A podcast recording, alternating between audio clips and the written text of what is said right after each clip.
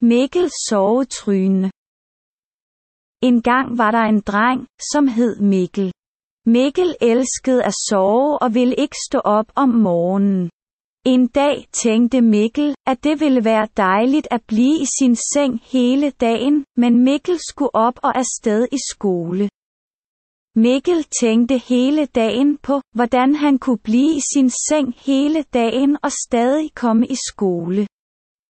Efter skole tog Mikkel og hans venner på genbrugspladsen, hvor der var mange spændende ting. De fandt en båd, noget træ, nogle hjul og en vindmølle. Mikkel og hans venner tog tingene med hjem, og de havde det sjovt sammen hele dagen. Næste dag skulle Mikkel i skole, men denne dag behøvede han ikke stå op. Mikkel og hans venner havde nemlig bygget en seng med hjul, og vindmøllen skulle hjælpe ham med at blæse sengen til skolen, men det var ikke helt nok. Hans venner hjalp ham og skubbede sengen hele vejen til skolen. De grinede og morede sig over deres nye opfindelse.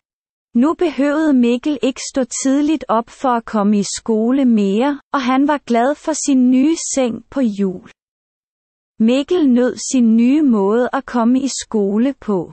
Han kunne nu ligge og slappe af hele vejen på vej til skolen, og hans venner fik en sjov måde at gå hen til skolen på. De andre børn synes også det så sjovt ud og spurgte ham, hvordan han havde fundet på ideen. Mikkel fortalte dem om hans tur på genbrugspladsen og hvordan han og hans venner havde bygget sengen.